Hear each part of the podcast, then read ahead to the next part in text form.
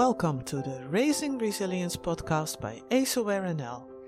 AceAware NL is the Dutch platform that ties in with an international movement for more awareness around ACEs, adverse childhood experiences. If you are listening now, your own childhood may seem over. But is it? How did that period color your view of the world? How resilient did you become? Resilience is not innate, but has to develop. In ourselves and each other, we can both raise and lower resilience. What can we do as a society to help children become resilient? What do they need for a happy and relaxed start in life?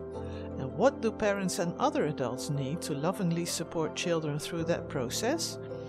And how can we deal with grief and trauma in a healing way? These questions will be inquired by AceAware NL in this podcast. Together with you, we will discover what keeps us healthy, happy, and energetic as humans, and we gladly offer you a stage for your story. Share your knowledge and experience as a professional or experience expert with our listeners, and together we will be raising resilience. Enjoy listening.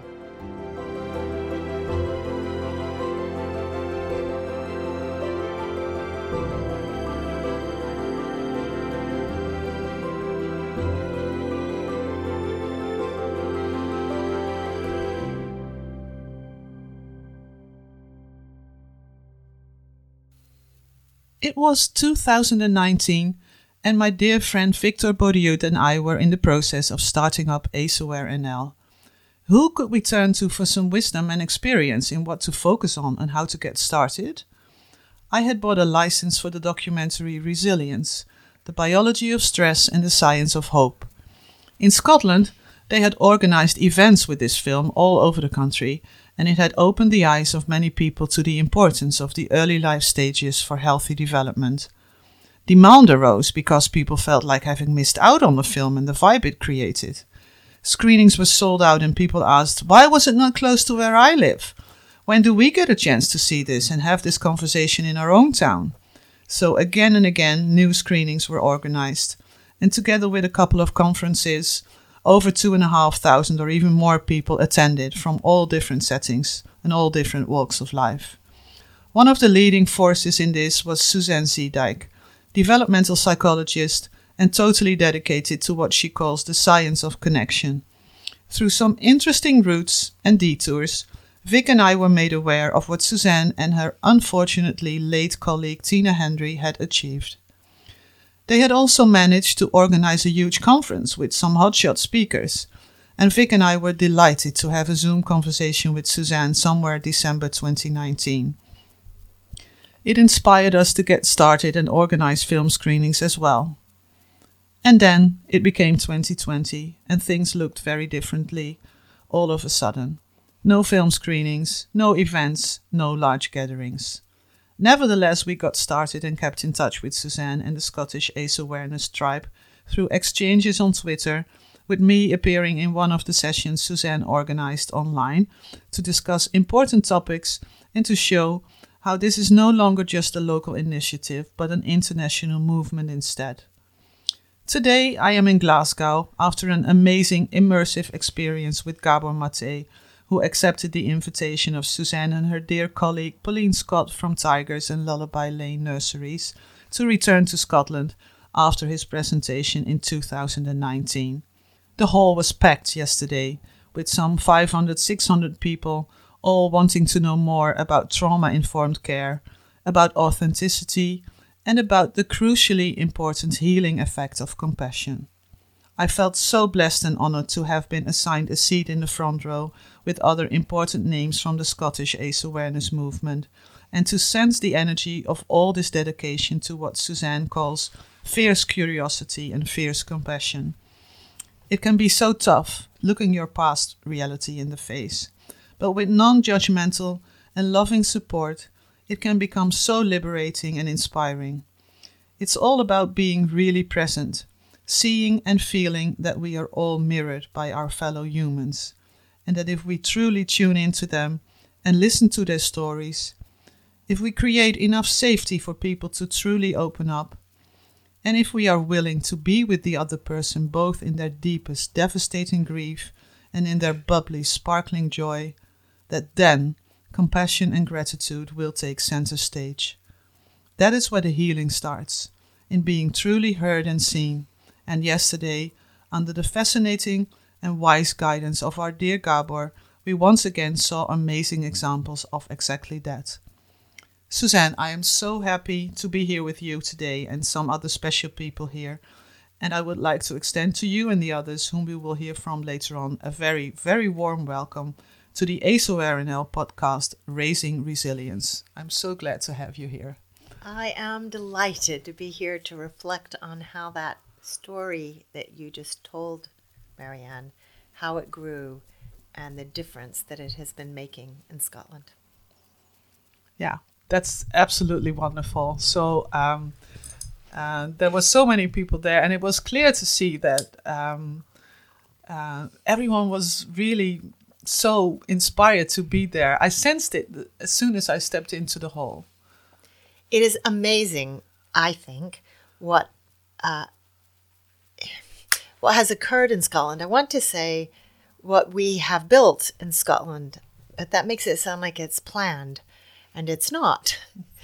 So the whole rise of what we call the ACEs movement, adverse childhood experiences, has uh, been a surprise. And so we have tried to capitalize on opportunities where they emerged, but um, but it hasn't been planned. And whenever I talk about this history, I always think that that is helpful for people to know mm. that it wasn't planned, that it really has been spontaneous. Yeah. And I think we have tapped into a kind of an energy that's out there that people want this information. Uh, and so, our job, those of us who have ended up leading it, our job is to be as creative as we can be in helping to meet that energy. Mm, yeah. As you say this, as you say, it's hopeful.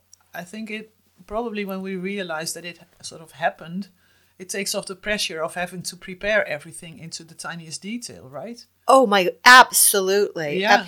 so, in fact, if I just go back to how all of this started and add some stuff to that uh-huh, uh-huh. lovely story that you just gave us. Uh, let, let me go all the way back to 2005. Okay, 2005. Yeah. So in 2005, um, a key thing happened in Scotland, and something called the Scottish Violence Reduction Unit yeah. was formed mm-hmm. in a in a police force, and two members of that police force, John Carnochan and Karen McCluskey. John was high up within the police, and Karen was a data analyst. Mm-hmm. Interesting uh, bunch, by the way. Uh, fast, yeah. fast, and I like starting there because people are like kind of surprised. It starts with the police. Yeah. At that point, Glasgow had the reputation for have, for being the murder capital of Europe. Oh wow! So there was a lot of gang violence and a lot of drug violence and a lot of murders, oh. um, usually with knives. Oh. And so the the kind of expectation, and John would say uh, the definite expectation that he had, was that the police, that that's just the way it was, and the police were meant to deal with it. But by that point, John and Karen had begun to think a bit differently and had said, is it possible to reduce this? Or do we just keep locking people up and it will be the same in 20 years' time or 50 years' time or another 100 years' time? Mm. And so they really wanted to see if they could make a change. And with the backing of their superintendent, Willie Rae, and I, I emphasize names that won't mean anything to your listeners, but right, okay, so somewhere there's a guy named Willie Rae Yeah who had enough power and guts and guts and courage to allow John and Karen to try something different. Yeah. Yeah, that's probably crucial what you're saying there because it does not depend on a institutionalized approach. It's the courage that some people show. The courage of leadership. Courage of leadership. Oh, that's beautiful. And that really helps and it really matters. Yeah. So, what Willie Rae allowed John and Karen to do was to go talk to people to see if there was a different way to go about this. And so they talked to tons of people. Uh, one of the people they talked to was me in those early days. Um, and so what? Professionals, they talk Yeah, to. yeah, yeah, yeah, So yeah. lots of professionals. They just talk to people. Yeah. So they were. So that's quite risky. That's quite indulgent, right? Some people would think maybe we shouldn't spend our time this way.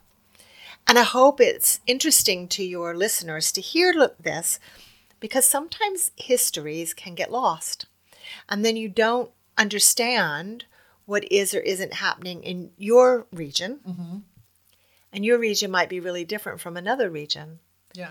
So I think that history story is really valuable. Yeah. yeah I, I got a copy handed because you've written it down, right, with Simon Partridge? We have written Yeah. it down because we didn't want that story to get lost and because we thought it we deserved to tell it in the academic literature. Ah, yeah. So, we're in 2005. John and Karen are speaking to lots of people, and they have uh, gotten in close touch with the World Health Organization, who have been talking about a preventative approach to violence, and that violence could be treated as a public health issue rather than a criminal justice issue. Oh, yeah. That is an incredible. I get goosebumps while you're saying it because that is such a shift, right? It's such a shift, and it's radical, and it changed everything here. So when you began to have a language, when we began to have a language Yeah. that said violence could be prevented, violence is public health. Mm-hmm. There are things we know about how humans develop and function that could help to reduce violence. Yeah.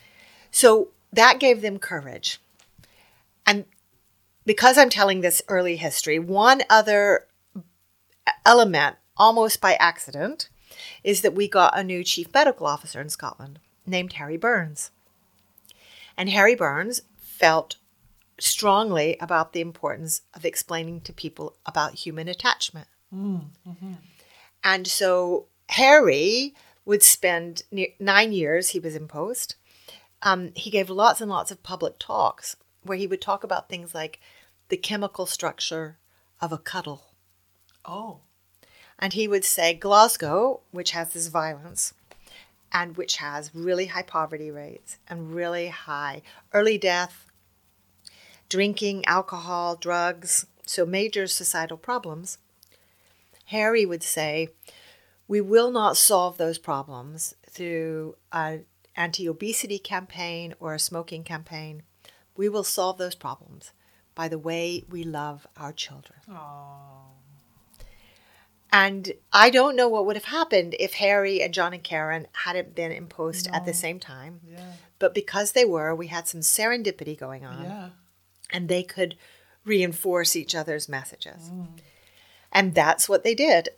so they worked hard together in all sorts of ways to help people to understand relationships.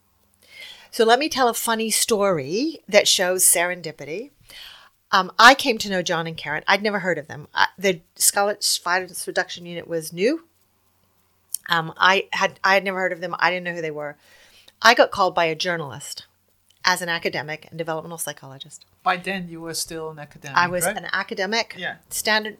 So I got called to by a journalist who said, um, "We've been talking to this police officer, and he says that instead of uh, having a thousand more police officers, we should have a thousand more health visitors, which support babies in Uh-huh, Scotland." uh-huh, uh-huh. and uh, we think that that's outrageous because police don't have anything to do with babies. Don't you think that that you, don't you agree that that's outrageous Ah, so and they that they are calling in your academic authority to confirm, to condemn them? to condemn them, yeah, and to, To condemn their bias in this respect. Correct. Yeah. And to say that the police should lock bad people up and leave babies to social workers. Okay, so I did what I always did do. I checked out the story. So I said, "Oh, I've never heard of them. Give me, you know, I'll get back to you. Let Yeah, me check yeah, the yeah, story." So it took me the evening to check the story. And when I'd read up enough, I thought, this is a great idea. Yeah. I think this is a great idea that you that you would get interested in babies. If the police would be interested in early relationships, that would reduce problems. That would have a knock-on impact on prisons. I'm in support of this. Oh my god, I get goosebumps really from head to toe. You know, this, this the, the the thought of people just getting this this whole idea because you say when you say uh, they suddenly realized it was about the development of violence. And you're a developmental psychologist, and then the science of stress regulation. I mean, it all starts bubbling in my head too. It's amazing. well, that's what I thought. yeah. That is not what the journalists no, thought. probably not. So when I got in touch the next morning, the journalist said, "Oh no, w- we've already published the story this morning. What? We've spoken to others of your colleagues, and we got the a quote, and so we've published that story. Thank you very much. Go away, basically." So I was a bit frustrated that I had invested time, so I went to look up the story they'd published, and they had managed to find some of my colleagues who were also developmental psychologists who endorsed their position and said the oh. police should stay away from this. So I was now embarrassed and angry Yes. because I thought, I don't think my colleagues would actually be against this emerging idea. Um, so they should have thought more closely about the story as I did. And I wish they had because now it It's out there. it's now their Yeah. names and my profession have been used to endorse this as a bad idea. And I got really frustrated. yeah, and those who don't want to pay for it can run with it, of course. Yes. Yeah. So I, in order to cope with my frustration and embarrassment, I wrote a reply to the newspaper. Oh, I wrote wow. a letter. Oh, good. I wrote a letter that said, you know, I, I know in your article on whatever Yeah. date, um, and uh, developmental psychologists have said, So and so. da da da. Yeah. Um, I disagree. And here is why I think that this would be a good idea.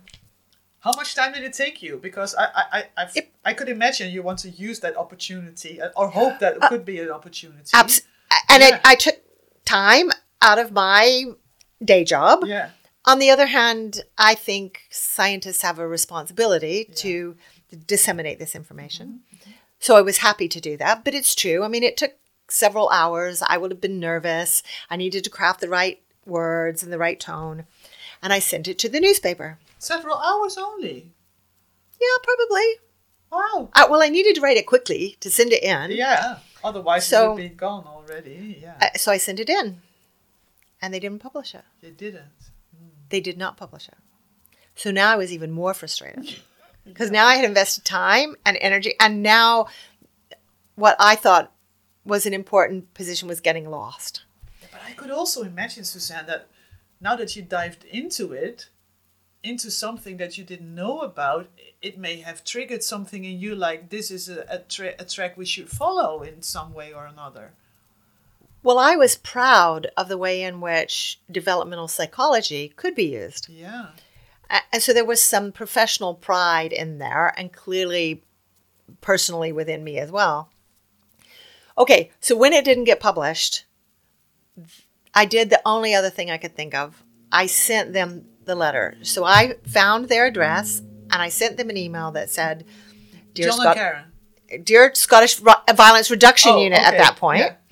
Um, basically, I don't know who you are, but I wrote this letter on your behalf, and the newspaper hasn't published it, and I thought that you should have it.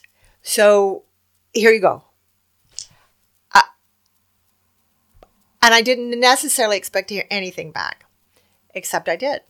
Then I got an email back from some guy named John Carnochan, who I had at that point no idea who he was, who said, Dear Dr. Zeedyk, we have received your letter. Um, please, could we come and have a conversation with you? We will come to Dundee, which is where I live, Yeah. and they would have needed to travel two hours to get to me. And, I, and it's worth telling this story in detail because it helps you think about all these little moments of serendipity. Yeah, yeah, true. So they did. So I said, okay, I'll meet you in this cafe. And I expected to meet them for an hour. And five hours later, we were still there. Wow. And several times, John answered the phone and said, I am speaking to Dr. Zeedyk. I will call you back. And I realized only later that they had begun a knife amnesty that very day A what? An, a knife amnesty. So, in other words, they were trying a new approach to reducing knife violence by you can hand your knife in for free. ah, okay. Oh, you know, with no, you can just hand it Ah, yeah, in safely. Yeah, yeah, without being punished for having Yes. a knife in the first place. Ah. And the reason that part of the story is important to me is because John and Karen felt that it was so important to get this new information. John kept putting off a longer telephone conversation till later in the day. Oh, so that he So- could get as much information about how babies develop from me during the time he had with me. so he legitimately sort of also uh, drew out the conversation to get more and more Yes, he. material. I mean, it was they. He. They stayed. I mean, it was hours, and I was impressed that there were police officers who wanted to understand in such detail. Okay, so that's a long story, which I hope is entertaining for your Yeah. listeners to think what why would police officers do that, and what what kind of commitment does it take, and Yeah. what did they do with it? Yeah. and what kind of people are John and Karen. What they did was run with it. Okay, so so John Carnochan and Karen McCluskey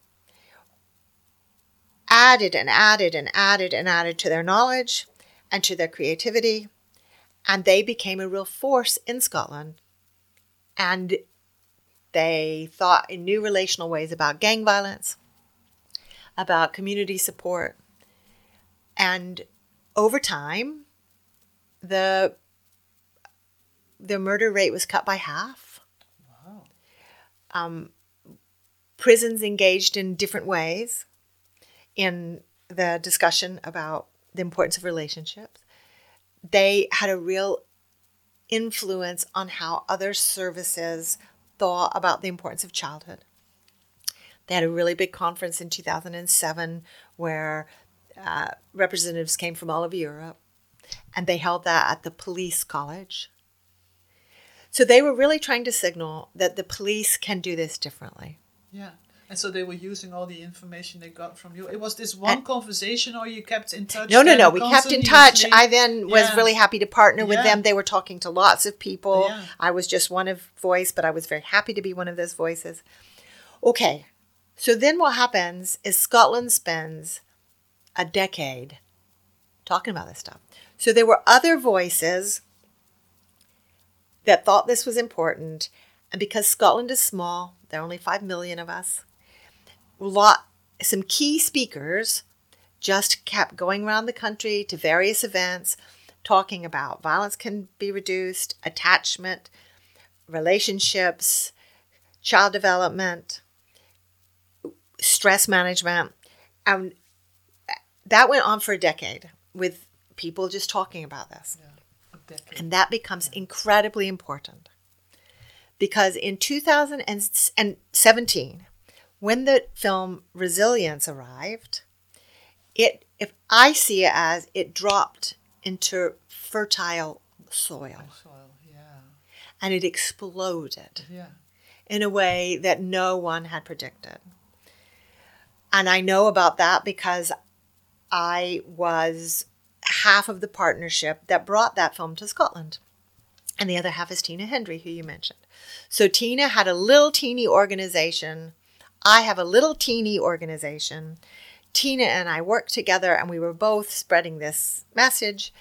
And so on this occasion, we said, why don't we have a joint attempt to show this film that we had heard was being released from KPJR Films in uh, in America. Yeah. And it turned out that the British promoter was something called Dartmouth Films. I had mm-hmm. no idea who they were.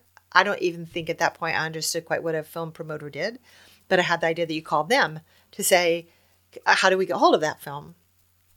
And so, and I'm telling these stories so that other people can go, you don't have to have a plan. You don't have to really know what you're doing. I didn't know what a film No. promoter did. I do now, Yeah. but I didn't then.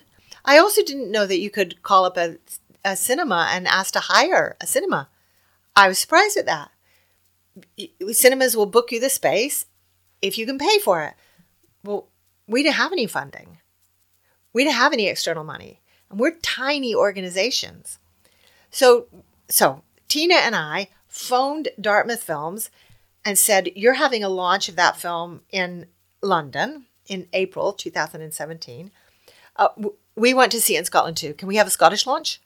Like, can we do that? Yeah. Can you help us do that? Yeah. And really, fortunately, they said, yes, we can do that. Uh, we said, how much will it cost us? We then figured out how many tickets would you need to sell. what And we hoped Yeah. we would just sell enough tickets. Yeah, for, to break even. And we made it look glossy, right? So we have a graphic designer in our team and we made it look shiny. We called it the Scottish premiere. And it was true. It had never been shown in Scotland before. And we put it on Facebook and we said, okay, we're having an event. You can buy tickets. I- I don't know. It was a risk. We had no idea if anyone would come. No one had ever heard of this film. It sold out in three days. So that was that one venue with how many how many tickets? we had about a hundred seats. Hundred. Okay. and it sold out in three days, uh, which surprised us. And that we uh, had just enough to cover it. Um, because we link, linked up with London, the film's director could come and be part of the premiere. But then what happened is people began to complain. Yeah. And to begin with, we were shocked. So this was being held in Glasgow. So people from Edinburgh said, we can't get a ticket. And if you can bring it to Glasgow, why can't you bring it to Edinburgh? And we went, oh, um, okay, we hadn't thought about that, but I guess we could find another cinema. Okay, so then we scheduled an event in Edinburgh, which is by Scottish standards on the other side of the country, Country, yeah. but is actually only about an hour and a half apart. Yeah. And we put it up on Facebook. And it sold out in two or three days. And we were like, what?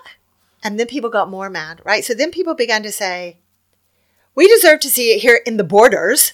Like, what How come everybody is always seeing things in Glasgow and Edinburgh? You should bring things to the borders. Okay, we'll bring it to the borders.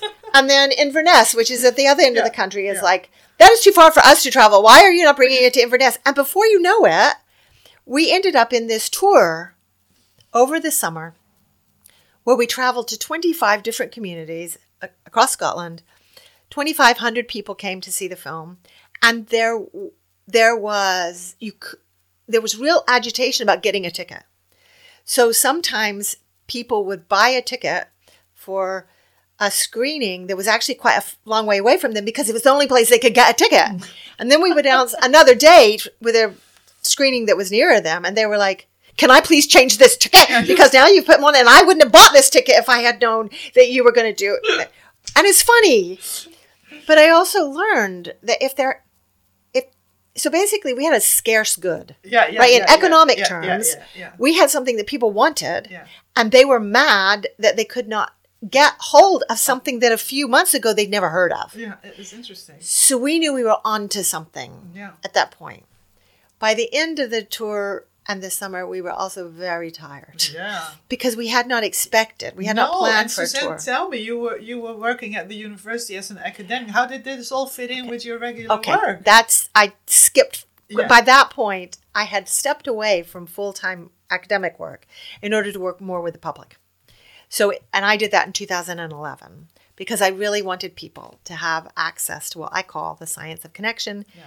where I try to find creative ways to help people to understand that babies come into the world already connected to other people and that the way they are treated, the way it feels like they are being treated by other people, has an impact on their biology, which they take with them into their adulthood. Yeah. Yeah. Typically, that's called attachment, Yeah. but that's also the point of trauma. Yeah. Yeah.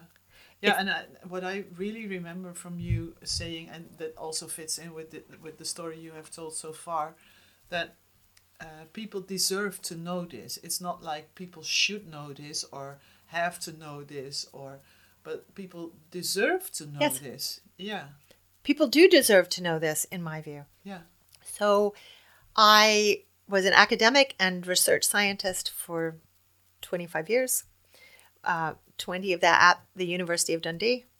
I loved it. Um, I loved doing basic research on babies and publishing that, telling my students about it. But by that point, I had come to understand that the wider public did not have access to the science that I did and that I loved and that I thought was fascinating yeah, but I thought there was a morality or an immorality yeah. to the fact that the wider public who spend time Yeah. who spends time with babies don't know that information. So parents often don't know, early years staff don't know, nursery staff don't know. And then people who spend time with older children who were once babies, who will have been affected by those experiences, teachers, primary teachers, secondary teachers, social workers, and then police officers and the criminal justice musicians yeah. and the people who run shops and the people who who design baby buggies and the people who come up with the laws for car seats and everybody. yeah, So as long as we're dealing with human beings, this information is relevant. yeah, And I thought everybody deserved to know and I wanted to help make that happen because I felt so strongly about it. yeah. And, I remember John John Shonkoff saying in with in resilience like. Uh, this is difficult stuff. You can write about it, you can re- do research about it, but it's not like publishing a research article in the newspaper will make people understand what is going on and what the consequences are of disregarding all this information and this knowledge. It's so, so true. this is this is exactly where the point where you are working at like disseminating sort of having a societal responsibility to disseminate the research that is paid by the way usually by tax dollars yes. so uh, tax tax Yes. uh, pounds and tax euros uh, so it actually is knowledge that is, that Everyone- people has o- uh, deserve to have ownership over Correct. yeah and to then decide what they want to do with it. yeah make their own autonomous choices in that yeah Uh, but they need to understand it and they need to feel confident about it and they need to not be shamed by it. So in 2011, I stepped away from full time academia yeah in order to try to disseminate what I call the science of connection. Yeah, let me interrupt you because uh, how, how did that in your in your academic community? How was that viewed? Your decision to step away and do it, disseminate in a different way. Um, Because you I- had all these colleagues who had endorsed this article. You, well, I, I must say, I had one or two colleagues who had endorsed Okay, this article. okay, So I don't want to yeah. make it sound No, like it was yeah, the whole okay, field. okay. Um, but mostly, I think it's because they would not have thought through what the newspaper was trying to do. Right? And newspapers are one place Mm-hmm. Yeah. that people get information ab- about science. But they're short articles. The headlines are usually scary. Mm-hmm. You won't really understand how that knowledge is acquired. So, And how often the headlines do not cover the content of the article, by the way. so newspapers are not a great place to get new science from. So, uh, so I don't know if I fully know what my colleagues thought, but what I can tell you is that I was scared. Yeah. I had no idea if you could make a living at this. I had no idea. I didn't know anyone who had ever left a safe academic job before. I didn't know if I could find the right words and illustrations to make it relevant to their lives. I mean, I had some idea, I had a reasonable chance at that because I had already been doing this in my spare time, evenings and weekends. And if I hadn't been doing that, I probably would not have known to take this risk. On the other hand, I was talking about babies. My specialty was not like lunar rocks. Right? If my specialty had been lunar rocks, pe- people, by and large, most people don't come to talks about that. A few people who will love it kind of in a geeky way will love yeah, that, yeah, yeah. but most people won't. Yeah. So in in some senses, because my specialty is so much about all Pertains our lives, to all of us. Yeah. I was lucky in that regard. Hmm. So, I step away from full time academics. I set about trying to f- develop this idea of disseminating to the public. And somewhere along the line, I learned something really crucial, which I draw on every day now that I do this, and which applies to the film, which we'll mm-hmm. come back to in just a mm-hmm. second. When I left, I thought as a scientist that all I had to do was to find creative ways to help people know this information. And I now know that I was wrong about that. It is one thing to know this stuff, mm-hmm. Mm-hmm. It is another thing to feel Yeah. what it is like Yeah. to know this Yeah. stuff. Exactly. So when you really understand that babies come into the world already connected, it's both joyful and scary. So let me give an example. Uh, we now know, and have for several decades, that babies can hear the voices of the people in the environment around them Prenatally. You mean. prenatally Yeah. before they're born. Yeah. So they, fetuses, Mm-hmm. babies, soon to be born, know the sound of their mother's voice. Babies, Yeah. soon to be born, fetuses still in the womb, know the sound of their mother's voice. They can hear it through the walls of the womb. They, her mother, the mother's there all the time, so they definitely know her voice, but they'll also know daddy's voice or partner's voice or grandma's voice or Siblings. Uncle maybe? John's voice or older brothers and sisters, whoever's there on a daily basis, the baby hears. And so the baby knows their voice. And that voice is built into the neural pathways of their brain, Yeah. which I think is fascinating. Yeah. They are born with a memory, already knowing the voices of Yeah. the people who are going to be in their tribe. Yeah. No tabula rasa. No tabula rasa. No. Babies come wired already with the experience of other people.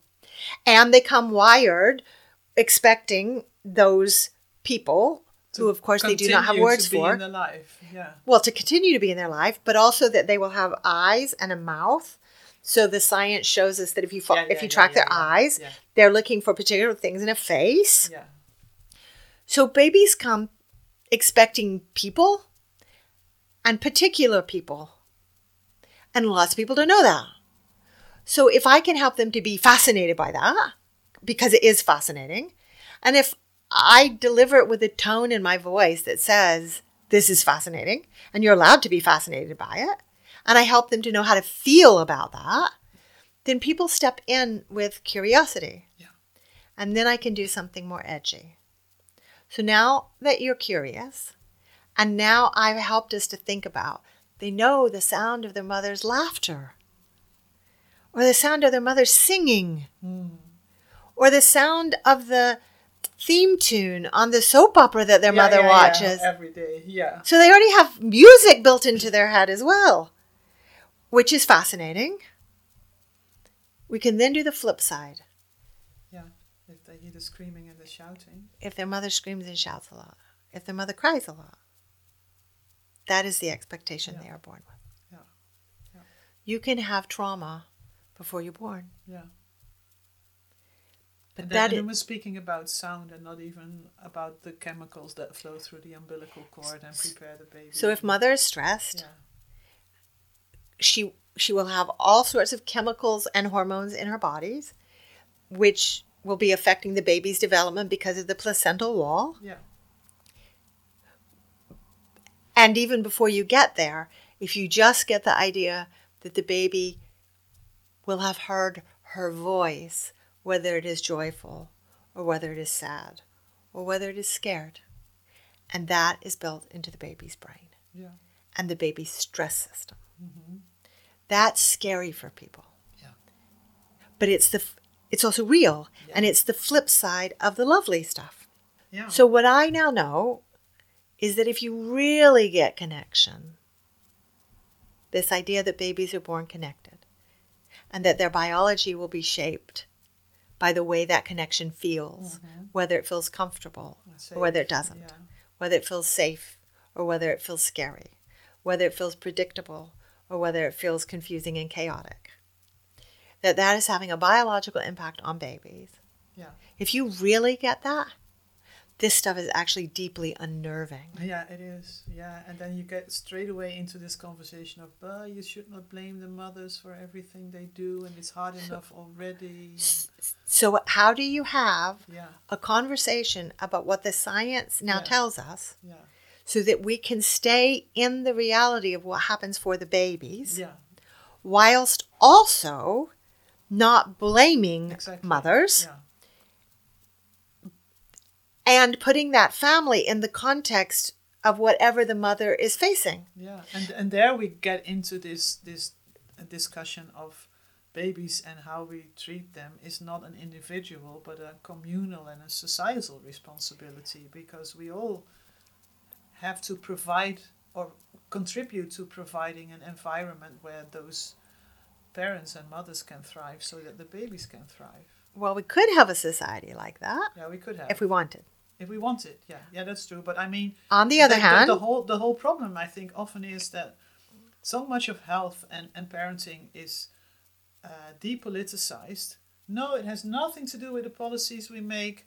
It's just the individual responsibility, and we can see from also from a sociological and anthropological perspective that that is not true. so I like to problematize that for people, okay? Yeah, I, I like to help them to step in with curiosity, yeah, what I call fierce curiosity, Yeah. because this is uncomfortable stuff, and then hand it back to them, yeah, right? So we know from the anthropological data that in smaller uh, societies, in our traditionally, Yeah. in back in evolutionary times, small band hunter gatherers. Small bands of hunter gatherers would support babies and mothers and families, and that babies were raised by the tribe. yeah, And we know that that was good for babies in all sorts of ways. yeah, Okay, we have a very different society now. We have a neoliberal society now, in which often mothers and families are not supported at all. Uh, a nuclear family is seen very individualistically, not contextually. Uh, m- mothers often do not feel supported, fathers often do not feel supported, and yet they are expected to be present for a really emotionally demanding baby. That's not possible. No. We're asking them to do things that are that is too hard for them. yeah, So it so it's not surprising that the baby's needs don't get met. But facing that is really hard for people. yeah, So I love this problem, but I like uncomfortable things. yeah, Lots of people want to solve it by denying it. yeah, So, how do we hold on to the difficulties for the babies whilst also holding on to the difficulties for the mothers other parents. Yeah, and not trade one or the other, not pretend that the babies are not affected, not pretend that it's because mothers are doing yeah. the best they can. The babies will just have to cope. How do you do that? Yeah, So the film Resilience yeah, and the trauma informed approach or an ACEs led approach, Yeah. whatever language you want to choose, helps to think about that in in new ways. Yeah, For me, ACEs and attachment and trauma are all the same landscape. yeah, But Bowlby had been doing attachment work since the 1930s, and by and large, it didn't catch on. It did a bit, but it didn't embed in culture in the way in which the frame of adverse childhood experiences has embedded in Scotland. Hmm. And I'm really intrigued by the impact of a different starting point. So, what Adverse Childhood Experiences Lens says is that from a key scientific study that was done in 1998, led by Felitti and Anda, mm-hmm. And your readers can go read much more about listeners it's on the website. can yeah, go read a lot about that if they want. Um, they were able to show an association between adverse experiences in childhood, in other words, scary experiences that may have been direct abuse or neglect, or that stress was happening in your wider household. You had a parent in prison, you had a parent with a mental illness, uh, you, your parents got divorced. They could show a relationship with adult diseases heart disease, liver disease, depression, fetal death, uh, alcohol consumption, drug consumption, Smoking. smoking. And that surprised a lot of people. In fact, they talk about it upset some of their colleagues and they didn't believe the findings Yeah, of this. yeah, yeah. So, in other words, the discomfort of it pushed people into denial. Yeah. That had been done in 1998. Lots of people didn't know about it. So, James Redford, who made the film Resilience, had a talent as a filmmaker, and he thought people should know. Mm-hmm. So he did what I did, and what Tina Hendry did, and what John Carnochan was doing, and he just thought, I'm going to work to let people know that. Yeah. And that's what he did. He made a film. Yeah. And he really crucially, they put the word hope in the Yeah, title. Yeah, The biology of stress and the science of hope. Yeah. And when that film took off unexpectedly in Scotland in 2017, because two tiny organizations showed it, it changed our country. Mm-hmm. So that was six years ago now. And I'm astounded at what has happened. Yeah. Now, I don't mean everything is solved by No. any means, but we are having different discussions in Scotland. There is an energy that wasn't there before, despite the impacts of COVID. Because people came to see that film and then they were outraged and they were like, other people deserve to see this film. How do I get hold of a copy of this Yeah. film? And I want to take it back and just show it to people in my work or in my region or uh, on my street. And so some people got local authority to bu- pay for the license for the film. Some people got their company or their service. I know a few people who went to their own bank account and they just funded it themselves. Mm. And then people began showing the film. And suddenly the film was everywhere. I had originally thought I would keep track of how many people saw it. After a while, I gave that up. I estimated something like 30,000 people saw it within, you know, within the the months after that because it was everywhere. Mm-hmm. I, and if so, if James Redford had not made that film, I don't believe our country mm-hmm. would be in the place it is today, mm-hmm. because when it dropped into fertile soil, oh, enough Yeah. of us had talked Yeah. about this. People were just ready for a film that was a really great, well done Yeah. Uh, resource Yeah. in explaining this science Yeah. and why it mattered. Yeah, of course. I I made the Dutch uh, subtitles, so uh, Yes. I went through the film time and again and again. And the the funny thing is, every time I see it, every time I watch it, also with an audience or with a small group, I see new things. I do too.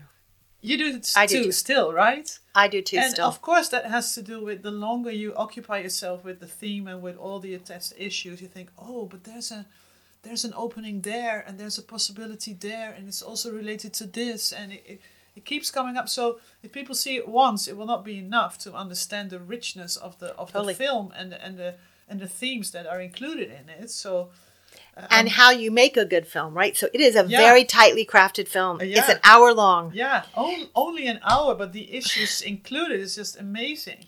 So an hour long film changed our country. And sometimes I still write to KPJR uh, um, and to Dartmouth, who film in London, to, just especially KPJR to say this film changed our country.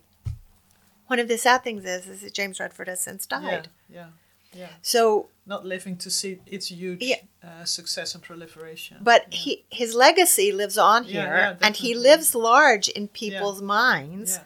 in Scotland because enough people remember that he made that film. And I often talk about him. And I say he didn't have to make that film, he chose to make that film because that was his talent.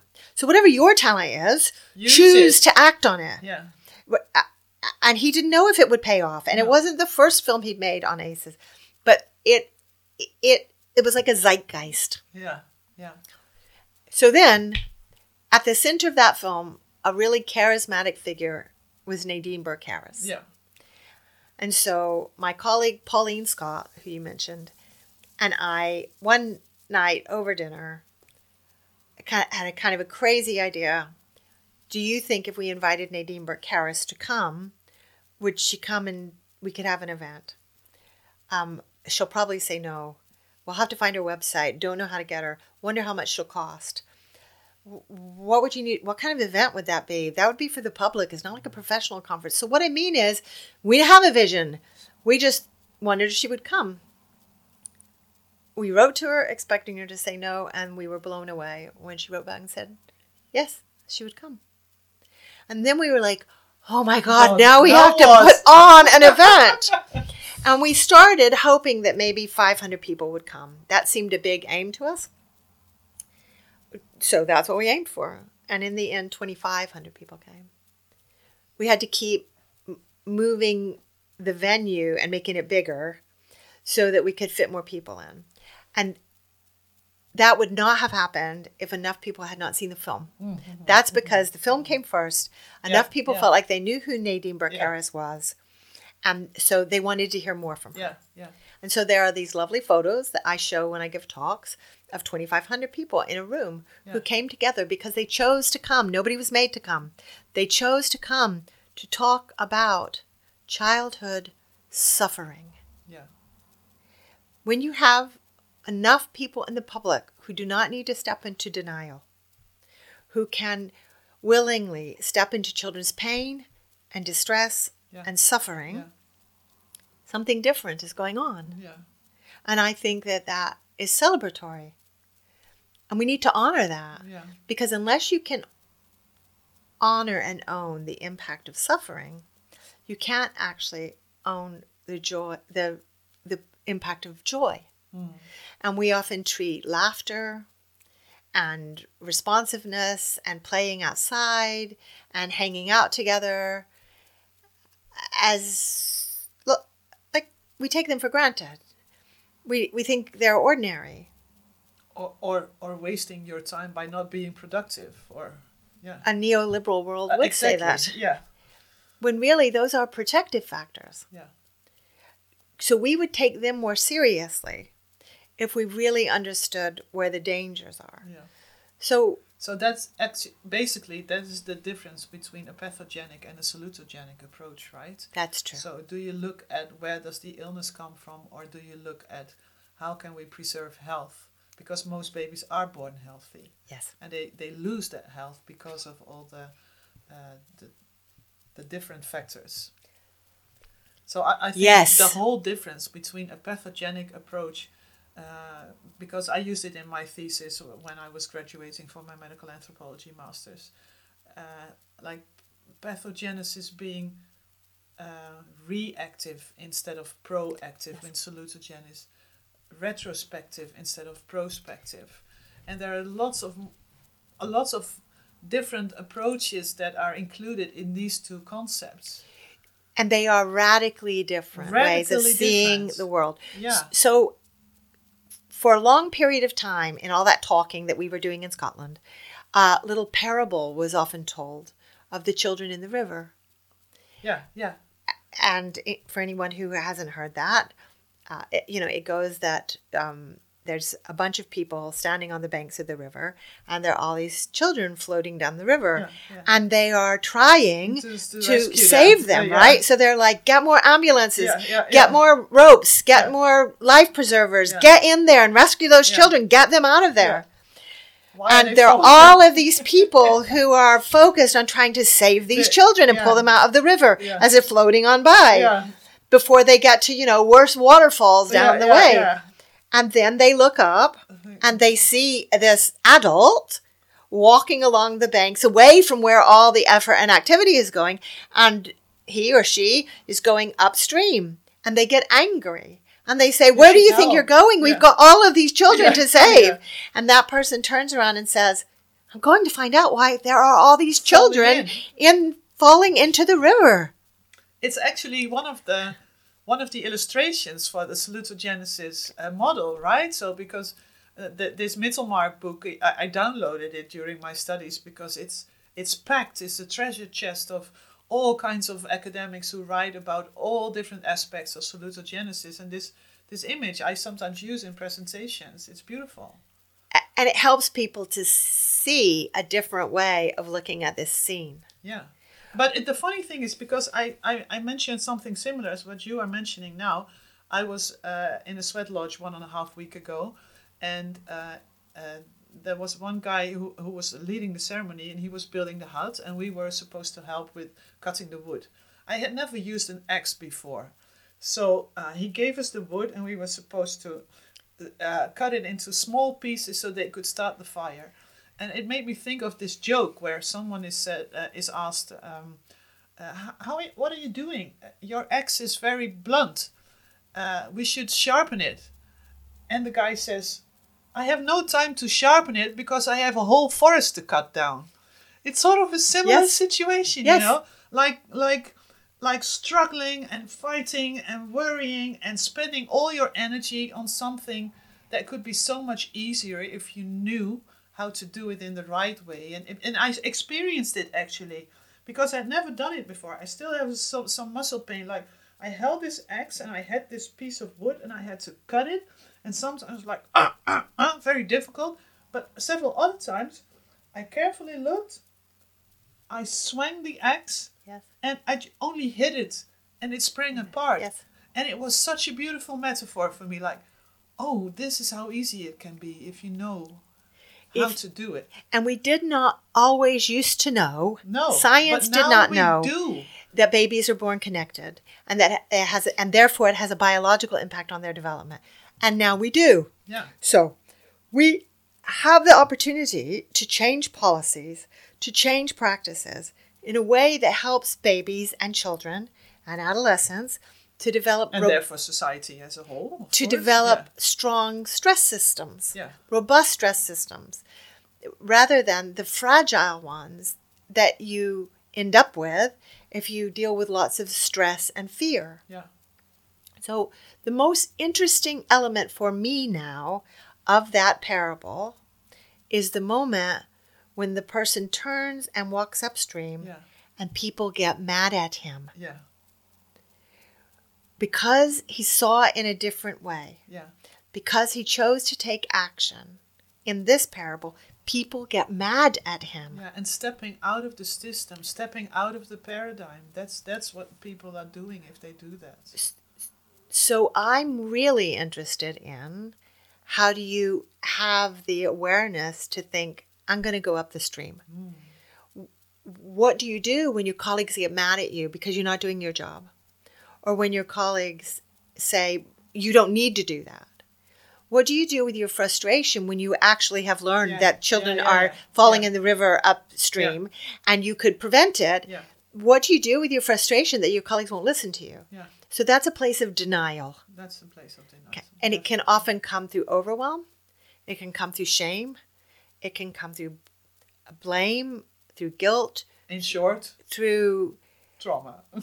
well, it comes, yes, trauma, yeah. Yeah. but denial serves the adults. Yeah. And I think we don't talk enough about denial. I think because, so, so let me give another So example. could we not say, Suzanne, denial serves the system? I think it also serves individuals. Yeah, but they are part of that system because That's I think true. it's a short-sighted approach Uh, because in the long run it does not serve the adults either. It, it serves everybody in the short In term. In the short term, that's what I Okay, mean. so understanding that I think is very valuable. Yeah. That it is that denial is functional. Yeah. It just has consequences. It, it is what Gabor calls the wisdom of trauma. To- Yes. Yeah. so systems can be in denial and individuals can be Oh, in denial. yeah, yeah. And lots of us are in denial about our own lives. So let me give an example. Um, if you're a teacher, teacher, uh, in in Britain, many teachers today use behavior charts. Mm-hmm. So they have them on the wall. So children uh, basically end up on the uh, on a bright cloud if their behavior is Good. Like, like visible for everyone? Yeah, yeah, yeah. It's, it's like a poster that hangs on the wall. Oh, And so publicly, it, it, it can be used in different ways, but Yeah. you might have all the names of the children on a card, and they have a choice of three clouds. So one is a, um, I- I call it an ordinary cloud, and above that might be a bright sunny cloud, and underneath that is a dark stormy cloud. And depending on what your behavior has been like, your name is placed publicly against one of those clouds. Now your face has just gone all all pained, Marianne, as I tell you that story, and I'm glad. That's what I want. Right? So I'm hoping that people listening to this will be thinking about what it feels like to a child to be publicly named and shown and therefore shamed mm-hmm. as to the acceptability of their behavior. So they've been judged. And, w- and when you've been classified, that's shaming for five year olds, mm. 10 year olds, mm-hmm. three year olds. But it helps the teacher to manage a large class of, say, 30 children. yeah, yeah. Okay, so when, if you're a teacher and you hear me say, we now know that behavior charts are shaming for children, and therefore that will have an impact on their stress system. Here's what happens in a, many teachers' heads. Totally understandable. So, teachers here, are you saying I'm a bad teacher? Are you saying I've harmed children in some way? I just did what is normal for our school, and we've been doing this for the last 30 years. I've been doing this for the last 30 years, so you're telling me how to do my job now? So you've intruded on my professional integrity? What, what are you telling me I'm a bad teacher? And how will I control all of these children if you take that tool away from me? So by giving a little bit of trauma information, you can pitch teachers into a sense of shame, into a sense of uncertainty, and into a sense of fear about will there be chaos in the room. Mm-hmm. It is perfectly understandable that a teacher might go, I, I'm, I'm not stepping forward with curiosity because what you've just told me Yeah. offends me and scares me. And so they step into denial. So that place where you are introducing people to, to new insights about how important they are actually needs quite a lot of containment, a lot of holding, a lot of But in this specific Compassionate- example, what would you do? well, if someone were upset, I would I would try and talk about why yeah, yeah sure, so but I mean, one step uh, earlier, how would you bring this information to prevent this sort of default trauma response? Well, when I do it, I start with babies come into the world already connected. I try to help people to see all the ways that babies can feel scared and overwhelmed that we've never thought about. Then I might tell a story of in the past when we didn't know these things, like in the 1950s in Britain, um, if a child went into hospital, the parents weren't allowed to visit. Mm-hmm. It was very, or not often, so it was very common that they could only come on a Sunday for two hours. Oh, say. yeah. So, So a young child could be in hospital for an entire week, and in some hospitals for an entire month before parents were allowed to come. Mm-hmm. And James Robertson and Bowlby and others worked out that this wasn't good for children. So they tried to say to the staff in the 1950s and 60s, we think we need a different visiting policy. And that was very threatening for the staff. And so they pushed away what they had to say and there were some really big conflicts for years and years and mm-hmm. years. So when I'm talking about this stuff, I start with a story like that. And everyone can identify with the distress of the child yeah. and the distress of themselves as a parent who would have to leave a child and of the bind that a nurse or doctor might be in if they wanted to make change and their superior said go back and do your job Yeah. and don't come and bother me with these newfangled Yeah. ideas that you have and we can't afford beds for parents and besides parents will clutter the wards so what i have tried to do is tell a safe story about the past where I corral people into compassion. So they now are in a place thinking with distress hmm. About the babies, the children, about the parents, and about the staff. Yeah. And nobody can be blamed. And then I can say, and they understand that they couldn't see it at the time. Yeah. Yeah. And then I can say, do you think we could be doing anything like that today? Yeah. And then I move it to today, To a present situation. Yeah. like behavior charts Yeah.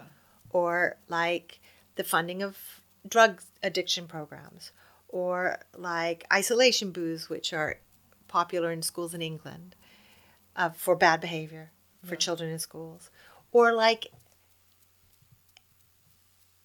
lots of prison policies. So we can get more curious about what might be happening now that we can't see mm. in our mm. contemporary world mm. by having detoured first through the past. By things that are obvious to everyone Now nowadays. they're yeah. but they're they're clear now. yeah, now They weren't yeah. at the time. Yeah, that's what I mean. By things Exactly. that are now obvious to the Yes. to the general population, and then think, oh yeah, sure, but that's what something you don't do. No, but then it was normal. Like what the story Gabor told yesterday about Semmelweis Yes. and washing hands in the maternity wards and stuff. Like, how would you go from a patho- pathology ward to a to a, a maternity ward and not wash your hands? What is that? But then they didn't. So things that are normal you can't see because No, they're normal there's- yeah, unless you have fierce curiosity yeah, to wonder what is it that I'm not seeing. yeah. And do you know interestingly, that's what individual therapy is for too.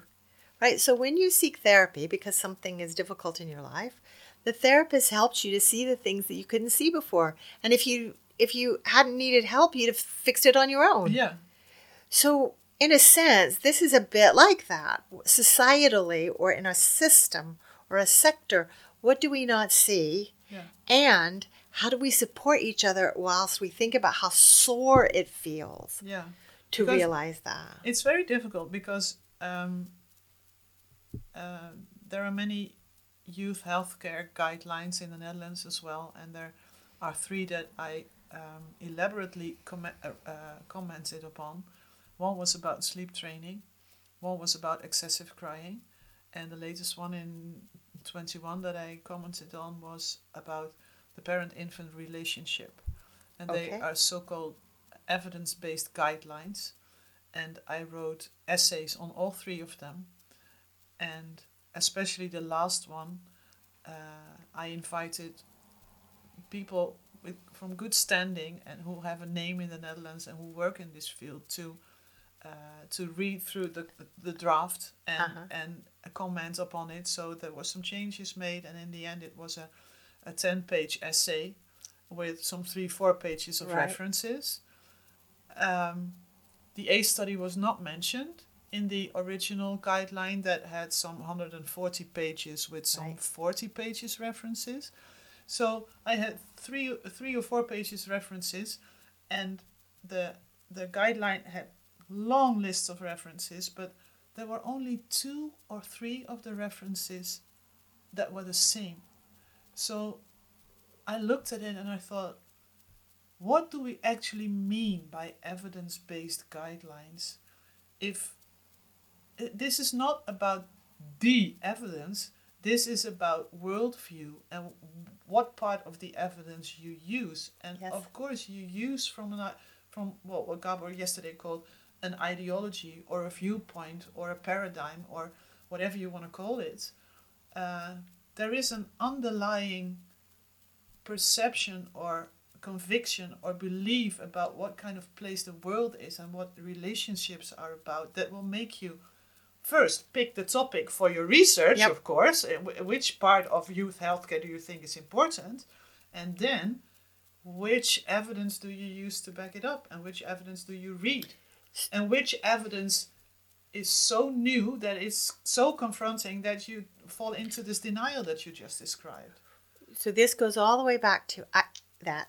It's one thing to know this stuff. Yeah It's another thing to feel what it's like to know this stuff. yeah And so I think that those of us who are trying to make change and to get people to pay attention to evidence that they might not have seen need to think more carefully and deeply and seriously about the emotional reactions to that evidence because we often don't talk about those sorts of things. Yeah.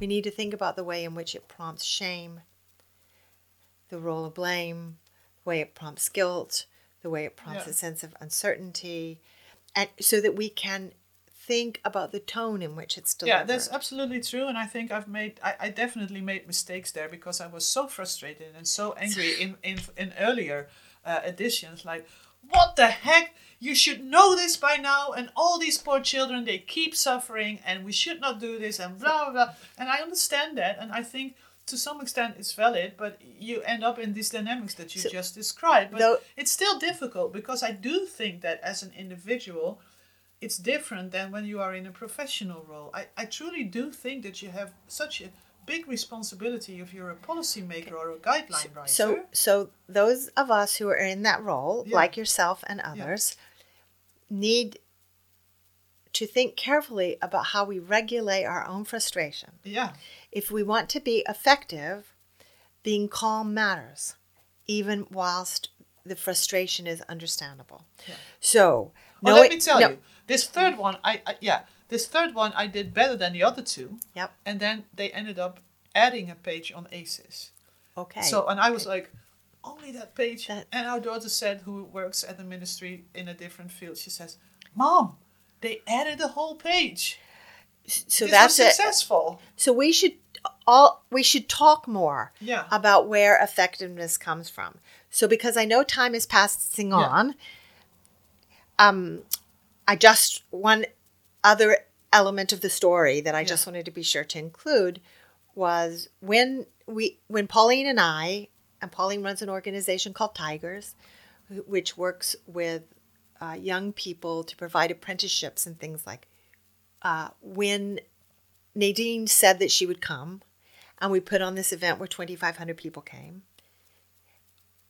We together, because it, it we formed a brilliant partnership, serendipitously because we took a risk together. It might not have worked. We're lucky that it did work, and we then felt brave enough together, and we we had uh, we had we brought separate skills and elements and knowledge and resources so that it worked together well. And having done one, we thought, well, I think we could do another. Yeah. And so in 2018, we had our first big event with Nadine Burke Harris.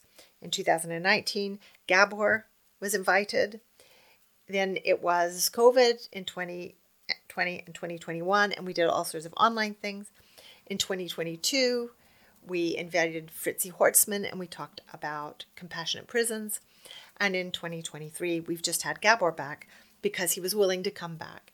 And the feeling in that room yesterday Yeah. was remarkable It was. and hopeful. But there were lots of people who raised their hands to say they'd never been to an event Yeah, before. I noticed. So, what that tells me is that uh, the impact is rippling. Yeah. That says to me it's worth the effort and the work of trying to do this this way. Yeah. Um, we're already talking about who what might we invite next. And along the way, Ace Aware Scotland, which is what we called it, or Ace Aware Nation, what would having our nation look like if the whole nation were Ace Aware? What would that look and feel like? Yeah.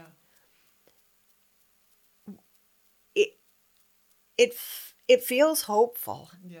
the energy in that room, despite the fact we were dealing with uncomfortable topics, is that people want to know more and that when you are supported and you're not doing this on your own, people are willing to take risks. Yeah. And so that's one of the key insights that I would offer to people listening to this. Yeah. Don't do it alone. Get yourself some pals. See where the opportunities are and and you know sink your teeth into them. You don't have to have a plan. Just grasp opportunities. Um, in fact, I said that in the in the paper you mentioned that I guess you will put somewhere Yeah, in the yeah. notes here. Um, there's a line that I wrote in it. It said, "Looking back, these did not look like beginnings.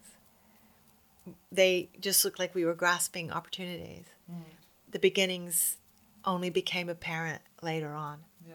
And there is When a you lesson. look back, you can say that that was the beginning. there is a lesson Yeah. even in that. In the moment, grasp the opportunities where they come. Yeah. and it will look different in the Netherlands than it looks in Scotland, than it looks in America, because the opportunities are different and the context and culture is different. And I think we should be thinking about that too that the way people resonate to this information about trauma or child development uh, depends in part on the culture. So, although I know you are worried about aspects of some of the services in the Netherlands and aspects of society, and that's why you want to offer this podcast and do the work you're doing. Um, in many ways, I would say you are further down the, uh, you know, further down a trajectory in providing attuned care to babies than we are in Scotland. Hmm. So, where you start with this and what grasps the energy and attention of people may be different than hmm. in Scotland. And hmm. therefore, hearing the story for different regions, I think is helpful in thinking about what might the story for my region be. Yeah, and like you say, grabbing opportunities is, is always good because you never know where something lands. And even if it is as tiny as doing one beautiful consultation with a mom, like I did recently with a mom with a postpartum depression, and four hours of compassionate inquiry with her made a dramatic difference. And when I saw her again online for the follow up consultation, I hardly recognized her. Yep. And she will speak about that in her personal environment, like everyone will if they have a special experience with uh, having some kind of victory over their own pain and their own grief. So that's so so inspiring. if we can tolerate the discomfort, Yeah. we can stay present with people in their pain or even with ourselves in our pain. Yeah. And it is the staying present that allows it to transform. Yeah, yeah, definitely. So, three last questions, Suzanne. Uh, maybe you've already answered almost the first one. Like, what gives you hope? The energy in the room The yesterday gave me hope. Yeah, People's curiosity gives me hope. Um, watching people step into uncomfortable conversations gives me hope. And the fact that I can withstand the discomfort Yeah. Allows me to play. I really enjoy these uncomfortable conversations Yeah, and yeah. uncomfortable topics. And I can right? play Yeah. in them. yeah, But it's because I can now s- withstand and sustain the discomfort. yeah. Um, That also we were watch- requires a lot of work, you know? Yeah, that's true. yeah. yeah. But we were watching a version of that yesterday with Gabor and Yeah. compassionate inquiry. Yeah. So if we think of that as a the window of tolerance that our Yeah, body yeah, has yeah, for yeah. discomfort, um, it actually turns out to be a whole playground of growth. Yeah, and I think it was not only important for the person he worked with because the room was just so silent. Did you notice? Yes, I did. You could not hear a cough or anything. People were spellbound to what was going on between Gabor and this this person. It was wonderful. Th- Well, all of those, each of those encounters that Yeah, he had, yeah. people recognized that people were being vulnerable and Yeah. taking a risk, Yeah. And that silence was entirely spontaneous. But it's is about being present, and the presence becomes a form of support. Yeah, and and and it connects all of us uh, present in that that energy at that specific moment. Yeah, that was marvelous. Um, That all gives me hope. yeah, that all gives hope, definitely. Um, the number one on your bucket list, if you have one. The number one on my personal bucket list. Yeah. Or your per- uh, personal, well, I- I mean, by you're hardly, okay, y- so- I- we so by separate you So, from your work, right? Well, that is true. Oh my goodness, Mariam, what an interesting question. Do you know? I left yesterday's event. There were 600 people in that room. And the energy in it was really high. And there'd been a lot of vulnerability shown. And I left that room. Several people said to me, Are you delighted? Because it's Pauline and I and our teams who organize all of that. And so, yes, it could go Yeah. wrong. I didn't it didn't. but the risk is it could have. So several people said to me, Are you not delighted? Are you not proud of yourself? Are you on a high? And do you know, I didn't feel any of those things. What I felt was content. Hmm. So the place where the energy sat was but was deeper. Hmm, yeah. So rather than rising and like being in my head or my breath, Yeah. it was somewhere deeper, somewhere I don't know, my heart or um and I'm really I really value that. I paid attention to that. Um so in a sense, yesterday was a bucket list moment. Oh, yeah. If we can if we could repeat Yeah. those, but you never know what the outcome will be, so they arrive on their own. Yeah. So paying attention to the moments when I know that people have taken a risk and that children have a better chance of being heard uh, is for me a bucket list item. Yeah. I agree. True. So I just want to go back to the same kind of energy Yeah. that we had yesterday. we'll keep it alive. Yeah, it was marvelous. Absolutely.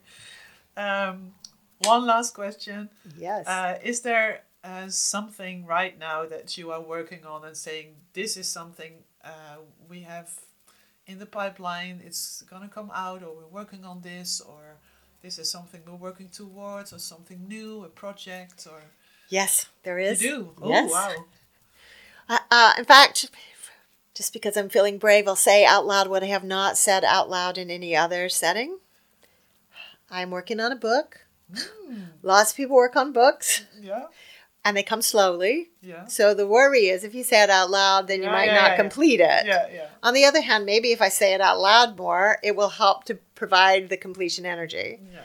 I, I really want to think more about denial Uh, and about how we can make sense of that and see it. So I have been gathering those historic stories about where change came in the face of what to us now seems really obvious, but did not at the time. mm, Because the parts of those stories that I think are really exciting are where you realize there was resistance. And very often that gets forgotten. So, uh, one other example is that uh, here in Britain, you could have corporal punishment of children at school until 1986. So, teachers hit children mhm. with canes Oh, and leather straps and threw er- uh, erasers, rubbers at them, or books, or pulled their ears, or threw their shoes at them. mm, It was part of normal culture. And when a campaign increased to say, we think we should stop this, there were big arguments amongst teachers where some were pushing to end it and others were defending it. So it turned into a big argument. In Britain, people remember that that became illegal. Mm. But what they have forgotten, what, what has dropped out of our discourse, Yeah. is the period of conflict that Yeah, there was. yeah. And I think that's fascinating. And I think it is helpful to us now to understand those earlier periods of, of conflict and of doubt and of resistance Yeah. because that then helps people like you and all of us Yeah. to make more sense when we face resistance. Yeah. So you so you rather than get frustrated in the pieces that you talked about writing, if Well, we could help you to predict the resistance, yeah. You would then not have to be so frustrated by it or so confused by it. You would just need to stay strong and regulated so that you could continue walking in the face I, I was it. much less frustrated with the third one, and I was very pleased with the fact that there were so many signatures Okay. underneath. So, So we uh, just need- But I did a lot of work in the meantime, my own work. Yes. I mean, personal work. Yes. uh, and uh, that really makes a huge difference. And I've spoken to several people yesterday who said that doing the work yourself makes Yes. such a difference. And as you, if you say uh, the denial, once things are obvious, people tend to forget how much courage That's it right. required from the people who kept That's uh, right. opposing the, the the toxic That's dynamics. exactly right. So if we could tell those stories again, I think those historic stories would help us today and people would be less surprised. Yeah. So I am working on a book that pulls those stories together, which I think are really fascinating. And they are illustrations of what I call fierce curiosity. Yeah. And Pauline would tell you the same kinds of stories in a really personal way about how having support has helped her to step into the fear Yeah. Yeah. of really being a key voice Yeah. in this movement. Yeah, Well, yeah, it's true. I mean, lately I've I've come to realize that maybe th- this this is just what I'm here for. That I have this role of, of telling it, and then if that's the case, it's like, oh yeah, I knew there was gonna be resistance, but okay, hey, this is my role. Um, but of course, still working on the responsibility of Yeah. performing that role in a compassionate way. So what I was going to say was that at Tigers, Yeah. they have a mantra that they use a lot that says, "You, um, if we're going to have change for children, you have to start with the adults in the room to help them to regulate themselves and to help them to do the work." Yeah. So, if we want change out there, we need to to do the work that helps us to be more resilient Yeah. in the face of Oh, that We're, resistance. we're back at resilience. now. We are back at resilience. isn't, isn't that a nice place to, to stop? Well, that's that's beautiful, and I fully agree, of course. And uh, as yesterday also showed, we can all be that supportive resource for someone else. Yes, we can. So that they can find the courage and and do what they are here to do here to do, and um, only after uh, we met, I realized that we had met long, or that we were in the same place long before when you were speaking at a conference in London. I think maybe 2010 or something, when Robin Grille was also Yes. there. Do you remember? Yes, I do. Oh, he's one of my heroes. Uh, and it's only I looked something up from that conference, and then I looked through my my photo book, and I what what it's Suzanne, and I hadn't realized that because I went to London for for Robin. Uh, but uh, it's it's so beautiful to see how paths can cross, Absolutely. and uh, when it needs to be, it needs to be. So uh, you- Things you- come in the time they were meant to. yeah, and so uh, as Margaret Mead said, uh, the the great anthropologist, don't ever doubt that one person can make a difference. In fact, is the only thing that will work. Something like that. It's not Yep. exactly right this quote, I think, but that that's that that's what she said. So you have given beautiful examples of how those serendipitous moments and those people who are willing to stick out their necks can make a, a huge difference and then put something in motion that would not have worked if they had not done that. I often say change doesn't just happen, it happens because someone makes sure it does. Yeah, yeah. So um, this was uh, a beautiful conversation. I'm really happy I brought my really heavy backpack so that we could have this one with proper gear. And uh, we'll have another conversation after this one. Um, you say that you are already thinking about new guests, so Yes. uh, I'll make sure to stay in the loop Okay. and uh, and uh, secure my ticket again if something else shows up. And uh, it's just absolutely amazing. Uh, For Vic and me, it was just so inspiring to have your enthusiasm and and uh, while we were starting up AceAware NL.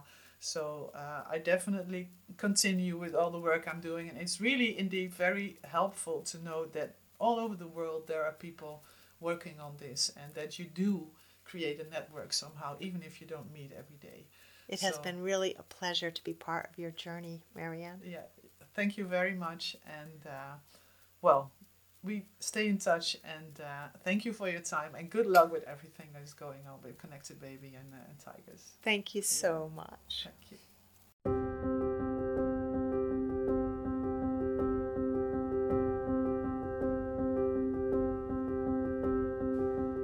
This was an episode of the Raising Resilience podcast by AceAware NL.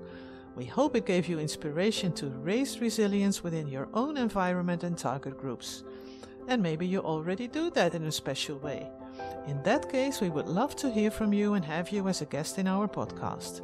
If you enjoyed it, we hope to see you back and see you share the podcast in order to support AceAware NL's goal, which is increasing awareness around ACEs, adverse childhood experiences. You too have talents to make the world a bit more beautiful and to contribute to awesome childhood experiences. A secure childhood with buffering protection against stress is the basis of a healthy and just society. If you want to read more about that, you can dive into our blog series on www.aceaware.nl. There you can find impressive stories from experienced experts and professionals and book reviews for more theoretical background. For a training or a discovery journey in a consultation, you are welcome to get in touch for an appointment. To stay tuned, you can find us on Facebook, Instagram, LinkedIn, and Twitter or through our website. We wish you a beautiful day and hope you keep raising resilience.